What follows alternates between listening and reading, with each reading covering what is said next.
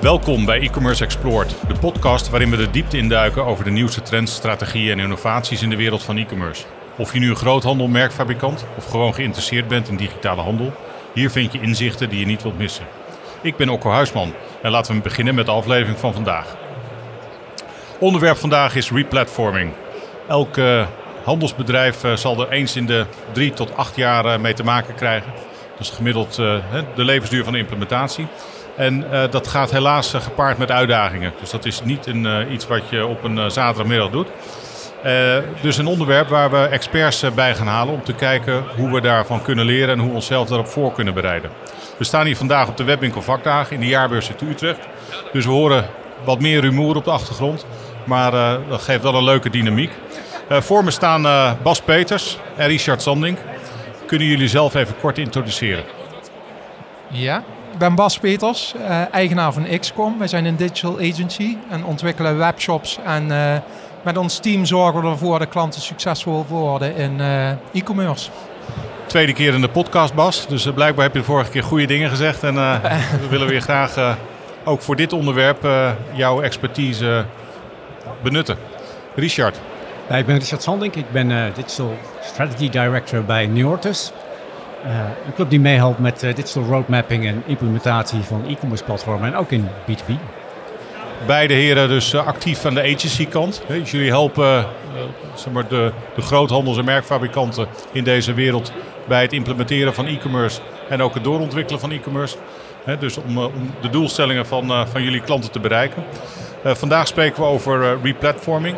Daarbij is eigenlijk de eerste vraag van wanneer wordt dat nu opportun? Dat je ervaart of dat je merkt van hé, hey, ik, ik moet wat gaan doen. Ja. Vanuit mijn ervaring, ik heb natuurlijk ook aan de klantkant gezeten, was het vaak een opeenstapeling van functionaliteit. Kun je vertellen welke klant je gezeten hebt? ja, ik heb bij Arendt en bij Gisper gezeten. In de kantoorinrichting. We begonnen op een Magento-platform en op een gegeven moment moesten we over naar één gezamenlijk platform. Hè. Dus dat is natuurlijk een andere reden. Dat als het ene bedrijf het andere bedrijf overneemt, dat je dan denkt van oké, welk platform okay, dus nu was... het platform voor de toekomst. Hè. Dat is één reden. De andere reden is natuurlijk dat je functionaliteit aan het bouwen bent zonder een duidelijke visie en alles stapelt bij elkaar op. En op een gegeven moment denk je oh, ik loop een beetje vast. Ik wil dit toevoegen, maar als ik dit toevoeg, valt het daar een beetje om. Of er gebeurt iets in je systeemlandschap. Hè. Er komt bijvoorbeeld een nieuwe CRM aan, er komt een nieuw ERP aan. Dus bewegingen in het IT-landschap kunnen er ook voor zorgen dat je nog een keer goed na gaat denken over van welk e-commerce platform we nog. Hè. Moet dat niet één grote enterprise oplossing worden waarbij we CRM en commerce en ERP bij elkaar doen en je PIM en je DAM of voor het best of breed. Dus vaak starten ergens die discussies wel. Ofwel omdat je vastloopt, ofwel dat er gewoon dingen gebeuren in de rest van je ja, IT-organisatie. Bas, je komt uit de Magento-wereld. Wat zijn uh, in jouw beleving redenen om te replatformen? Uh, kunnen verschillende redenen zijn. Uh, een belangrijke reden is wat Richard net ook zei. er treden fouten op.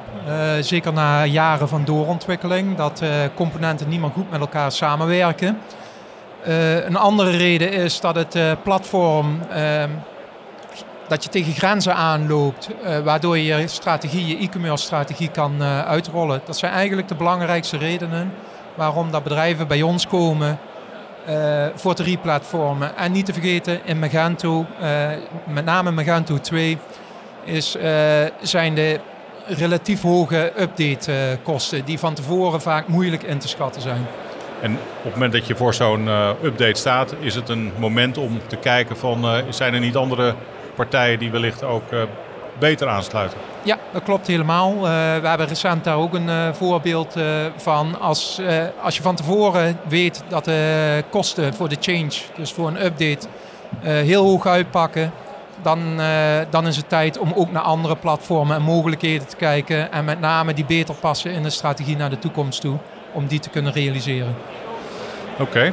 Uh, Richard, hè, we, horen vaak van dat, dat replatforming trajecten risicovol zijn, een grote impact hebben, doorlooptijd uh, of zelfs niet eens, hè, nooit live komen. Heb jij daar voorbeelden in de praktijk van gezien?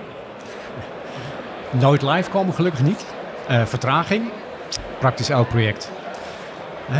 bij replatforming, het is heel vaak in het voortraject dat je wat gehaast bent. Dat je niet precies weet wat je functionaliteit is die je vereist. Of dat je het niet goed afgestemd hebt met de rest van de organisatie. Dus dat je supply chain vergeet, sales vergeet. En die hebben ook allemaal wensen en eisen. En vaak zie je als een project begint te draaien, dan komen ze alsnog met allemaal functionele eisen. Dus dat kan tot een vertraging leiden. En dan kom je halverwege het traject erachter dat, dat er nog eh, additionele. Uh, ja, en dan heb je de keuze eigenlijk al gemaakt voor welk platform je gaat implementeren. Bas, hoe kijk jij daarnaar? Dat, Ja, nu, dus u doet uh, met name enterprise klanten bedienen. Wij zitten mid-market. En ja, wij zitten eigenlijk met dezelfde problematiek kom je tegen. Wordt vaak onderschat hoeveel werk het is. Want het lijkt erop dat ja, we moeten weer hetzelfde hebben. Maar vaak vergeten bedrijven de legacy die eigenlijk erin is gebouwd. Dus alle learnings en dergelijke. Omdat het toch veel uitgebreider is als van tevoren gedacht. Dus partijen onderschatten het traject en, en, bereiden zich onvoldoende voor? Is dat wat je zegt? Onderschatten, onderschatten het traject, absoluut. Ja. Hey, en, dan, dus uiteindelijk kom je erachter van, nou, we moeten nou in ieder geval ons gaan oriënteren om te kijken, zijn er alternatieven beschikbaar? Hoe pak je zo'n proces aan? Dus hoe zou je nou klanten willen adviseren of, of mee willen geven van, hoe ga je dat, dat, die keuze maken? Ja, dat, vaak heb je al iets van commerce. Hè? Dus je hebt al iets van functionaliteit die je graag terug wil zien in je bestaande, of in je nieuwe platform. Uh, en daarna is het requirements ophalen bij de rest van de organisatie. Zodat je een beetje een beeld hebt, maar ook dat je een verhaal hebt. Dat je een visie hebt van dit is wat ik graag wil met mijn e-commerce. Dit is hoe ik wil omgaan met mijn sales. En op basis van dat verhaal ga je nadenken over welke functionaliteit heb ik dan nodig. En dat traject, dat is natuurlijk altijd risicovol. Want je komt dan met partijen aan tafel die ofwel een stuk software willen verkopen. En altijd de mooie kant van het verhaal laten zien. En als klant ben je vaak niet in staat om daar doorheen te prikken. als je bijvoorbeeld iets met complexe prijslijsten doet, eh, klantgroepen. En ja, ze laten zien van ja, het is perfect, het kan allemaal. En op een gegeven moment heb je het gekocht en denk je oeh, dat zat toch wel iets anders in elkaar. Dus ja, laat, laat je ook gewoon daarin begeleiden en laat je niet onder druk zetten. Bas? Ja, dat klopt. Als, uh, als je als partner al jarenlang voor de klant gewerkt hebt en uh, de e-commerce omgeving eigenlijk heb opgebouwd, dan, uh, dan weet je gewoon heel veel van die klant. En ook de complexiteit, waar andere aanbieders vaak uh, geen weet van hebben of heel gemakkelijk omheen lopen. Uh, ik merk wel, of wij merken wel, en volgens mij heeft Richard dat net ook aangehaald, het allerbelangrijkste bij replatformen is dat je je medewerkers, maar ook je klanten meeneemt. Uh, en niet uh, ook over de afdelingen. Een e-commerce platform tegenwoordig raakt heel veel afdelingen. Neem die mensen mee. Het is een verandering. En als je ze niet meeneemt, kan het ervoor zorgen dat je weerstand krijgt. En het is juist de bedoeling met replatforming dat je niet het alleen als kosten ziet. Dus we gaan naar een nieuw platform. Maar juist als kans dat je e-commerce naar een hoger niveau kunt brengen. Richard, je bent een man van de strategie. In hoeverre moet je de, de strategie leidend laten zijn voor, voor je, je keuzeproces? Ja, strategie blijft een groot woord, hè? maar wat jij net zei, hè? zorg ook dat je je klant input krijgt. Uh, en elk goed bedrijf laat in ieder geval de klant aan het woord uh, bij het ontwikkelen van een stuk strategie. Dus als je daar een beeld bij hebt, en vooral in B2B, heb je natuurlijk verschillende ja, autorisatielagen of kopers binnen een bedrijf. Dus stel dat jij een bouwbedrijf als klant hebt, ja, waar gaat de inkoop dan plaatsvinden? Is dat er echt puur vanuit procurement? Moet je een systeemintegratie hebben? Of wil je de bouwvakker op de bouwplaats ook producten laten afroepen? Nee, dat klopt helemaal. Je moet je klanten erbij uh, betrekken en ook qua autorisatieniveaus en alles zo goed mogelijk in kaart brengen. Wat, uh, wat jouw klant, maar ook de klant van de klant uh, nodig heeft. En niet alleen qua commerce, maar ook qua informatievoorziening. Oké, dus stel je klant centraal hè, bij de, de input voor je nieuwe platform. Ik neem aan dat je zegt hè, nodig meerdere partijen uit om nou in ieder geval te bewijzen dat ze het juiste in huis hebben om jullie klanten dan tevreden te maken. Maar hoe vlieg ik dat nou aan? Heb je daar nou handleiding voor? Kijk, in B2B, als je uh, gaat replatformen, ontwikkel je ook het nieuwe verhaal voor je organisatie, hoe je met e-commerce wil omgaan. Hè, dus inderdaad, begin met, de, met je klant, maak een persona en denk eens na van hoe gaat hij nou eigenlijk met mij in contact? Hoe, gaat dat, hoe ziet dat transactiestuk eruit? Hè, en dan kom je in de customer journey. Ja, hoe zit dat? Eh, focus je alleen maar op de verkoop? Of ga je denken, oké, wat zit er dan post-purchase in, wat we dan nu nog offline doen? Waar we eigenlijk efficiency kunnen halen. Hè, tickets aan te maken, orders te verwerken. dus wat zit er nog meer in? Wat zijn de touchpoints met de klant? Waar je nog steeds waarde kunt toevoegen. Dus het is ook de vraag van hoe breed zet je eigenlijk B2B e-commerce in? Ben je puur transactie gedreven of denk je van hé, hey, naast het verkopen van een product wil ik het ook inzetten als ja, serviceverlening? Hè? Eh, hoe kan ik mijn klant succesvol maken met mijn producten? Bas, hoe zou jij uh, klanten helpen om uh, de juiste keuze te maken?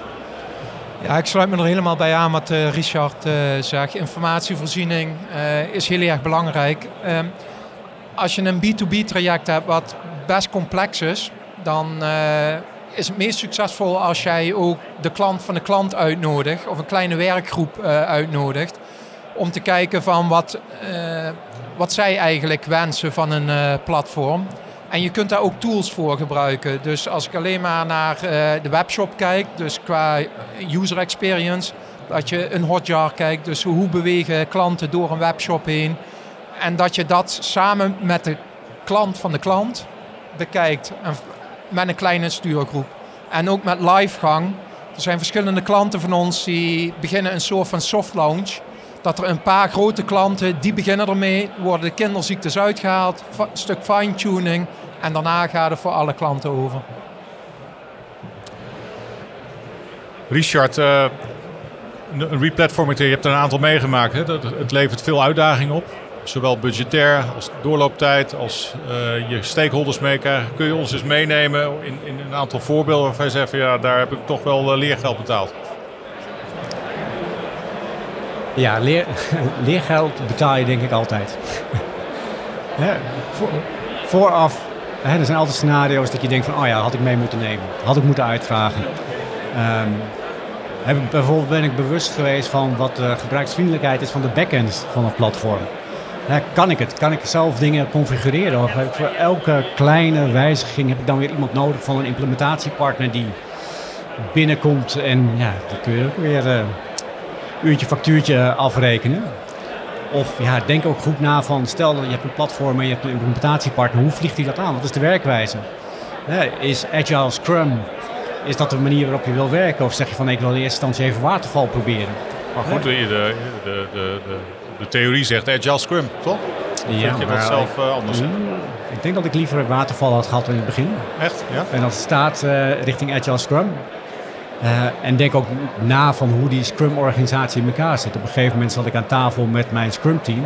Ik keek de grote vergadertafel rond. En ik zag uh, 7, 8, 9 mensen. Ik denk van oeh, dat is 120 euro per uur. Oh, die is 150. Dat ik denk van, ja, joh. En wat heb je dan aan het eind van zo'n uur bereikt? Wat is daar nu echt sneller doorgegaan? Hoe ga ik dan beter? Dus ja, denk ook goed na van hoe die organisatie van jouw implementatiepartner aansluit op je eigen organisatie en je eigen werkwijze. Moet je hem fixed price uh, laten offereren? Uh, zou het mogelijk zijn? Ik weet niet of een partij dat wil. Ja, weet ik niet. Denk het niet. Bas, hoe kijk jij daarnaar? Nou, als je platformen hebt, uh, vaak on-premise uh, platformen, zoals Magento, is het bijna onmogelijk om niet op een Scrum-methodieke plat, uh, project aan te vliegen. het heeft heel veel nadelen. klanten snappen vaak Scrum niet goed. Ze denken dan toch dat je binnen een bepaald budget kunt blijven.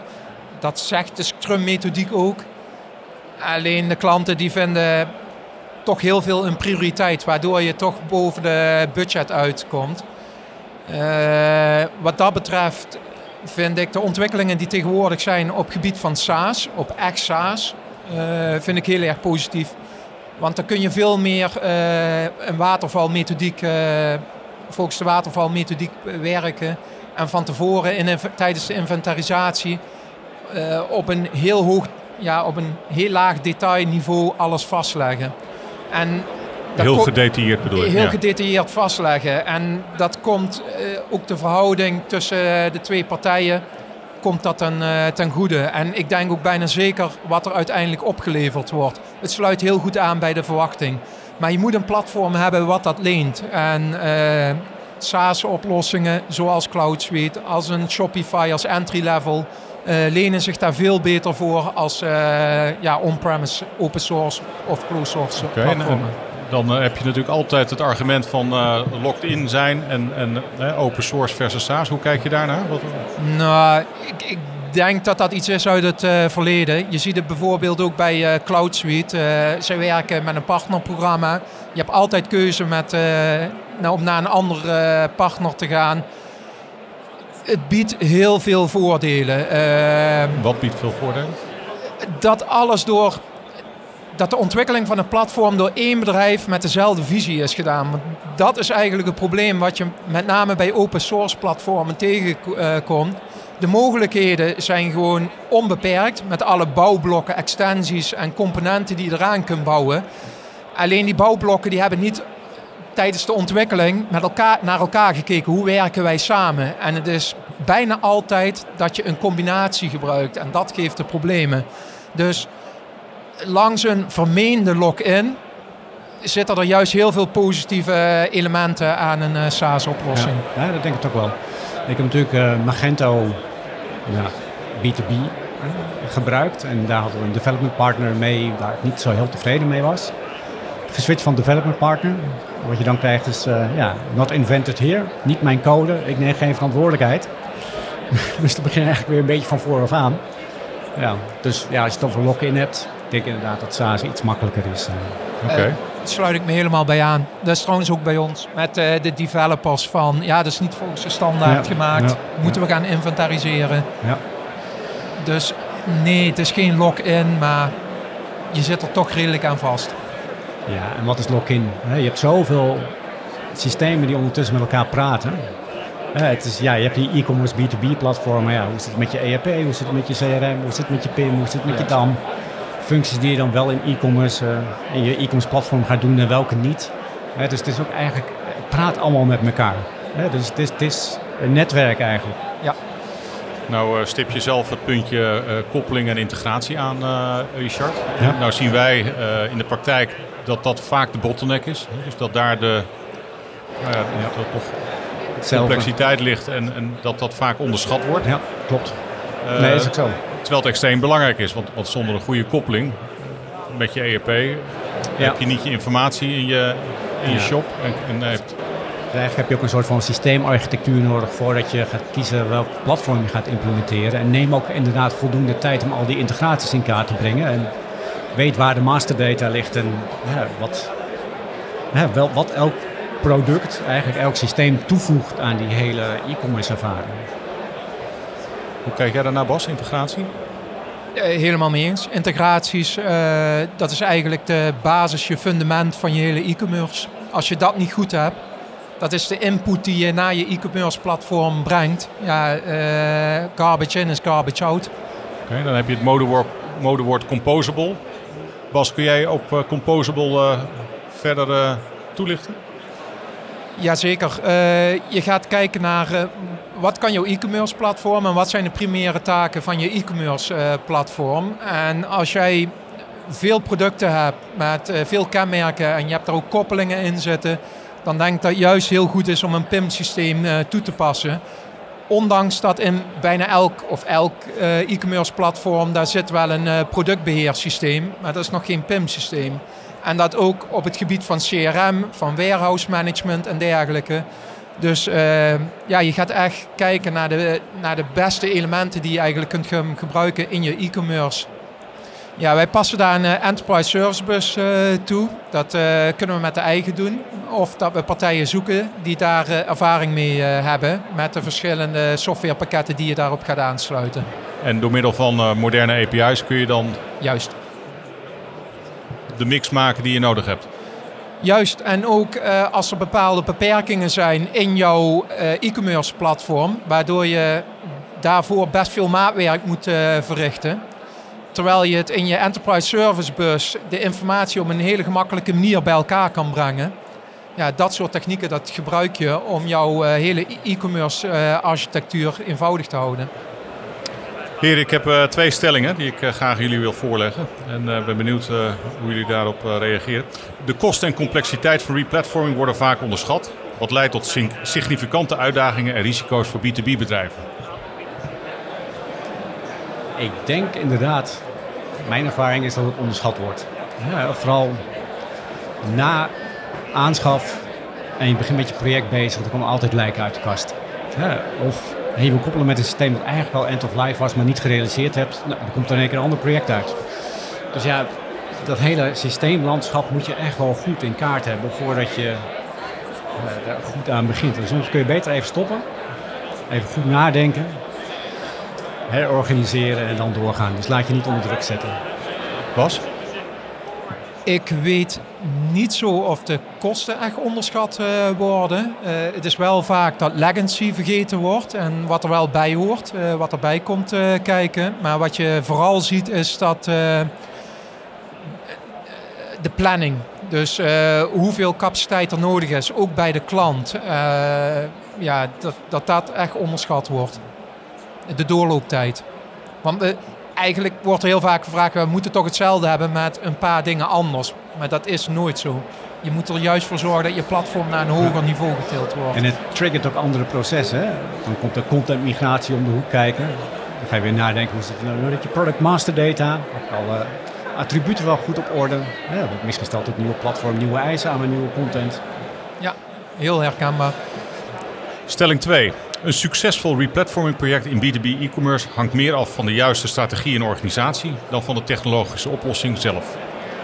Ik denk, je kijkt altijd naar je technologie, je processen en je mensen. Als je het zo optelt, is twee derde geen techniek. Bas? Ja, kan ik nou alleen maar bij aansluiten. Dan zijn jullie het uh, eens. Hey, blik op de toekomst. Zie je nog uh, in de toekomst uh, zaken die het replatforming project al dan niet beïnvloeden? Wordt het makkelijker? Wordt het minder makkelijk? Hoe kijk je er naar, Bas? Nou, voor midmarket denk ik dat het niet per se heel veel moeilijker wordt. Als, wij, uh, als je kijkt naar SaaS-oplossingen, welke ontwikkelingen die met name de laatste jaren hebben doorgemaakt, kun je van tevoren uh, heel goed de scope van een project bepalen. En uh, ja, dat neemt de complexiteit tijdens het ont de ontwikkeling af. Ja, Richard? Hangt ook een beetje vanaf van wat je allemaal gedocumenteerd hebt bij je huidige platform. Of dat je het allemaal weer moet heruit ontdekken van wat je ooit hebt gemaakt. Hè, dus weet je eigenlijk wel wat je uh, doen bent. Okay. Bas, nog één tip voor de luisteraar, nog een laatste. Onderschat het niet qua capaciteit, qua eigen mensen die je erin moet, uh, ja, die moet gaan investeren. En vooral betrek je mensen erbij van verschillende afdelingen en ook de klant van de klant ja, heb je verhaal klaar. En het is ook een beetje storytelling, hè? ook richting je directie. Van dit is wat ik mijn klant als nieuwe gebruikservaring ga aanbieden en dit is het voordeel wat hij krijgt. Dus denk ook in custom journeys. Heren, we zijn door de tijd. We moeten helaas uh, een eind aan breiden. Het was leuk om hier vandaag op de Webwinkel Vakdagen met jullie uh, nou, dit onderwerp verder uit te diepen. Ik denk dat we heldere en, en interessante inzichten van jullie hebben meegekregen duidelijk dat je het proces, project ook niet moet onderschatten. Uh, belangrijk is om je klant daarbij aan te laten haken. dat het heel belangrijk is en neem de tijd, zegt met name Richard, om ook echt je, je, je verhaal en je strategie goed helder te krijgen. Wat wil je bereiken? Om dat vervolgens te laten toetsen tijdens je keuze van het platform. En uiteindelijk ook door, door echt een goede samenwerking dat je het implementatietraject zo gunstig mogelijk laat verlopen. Bedankt Bas, bedankt Richard. Dankjewel. Bedankt. Mochten jullie vragen hebben naar aanleiding van deze aflevering, geef ze aan ons door via de link in de show notes.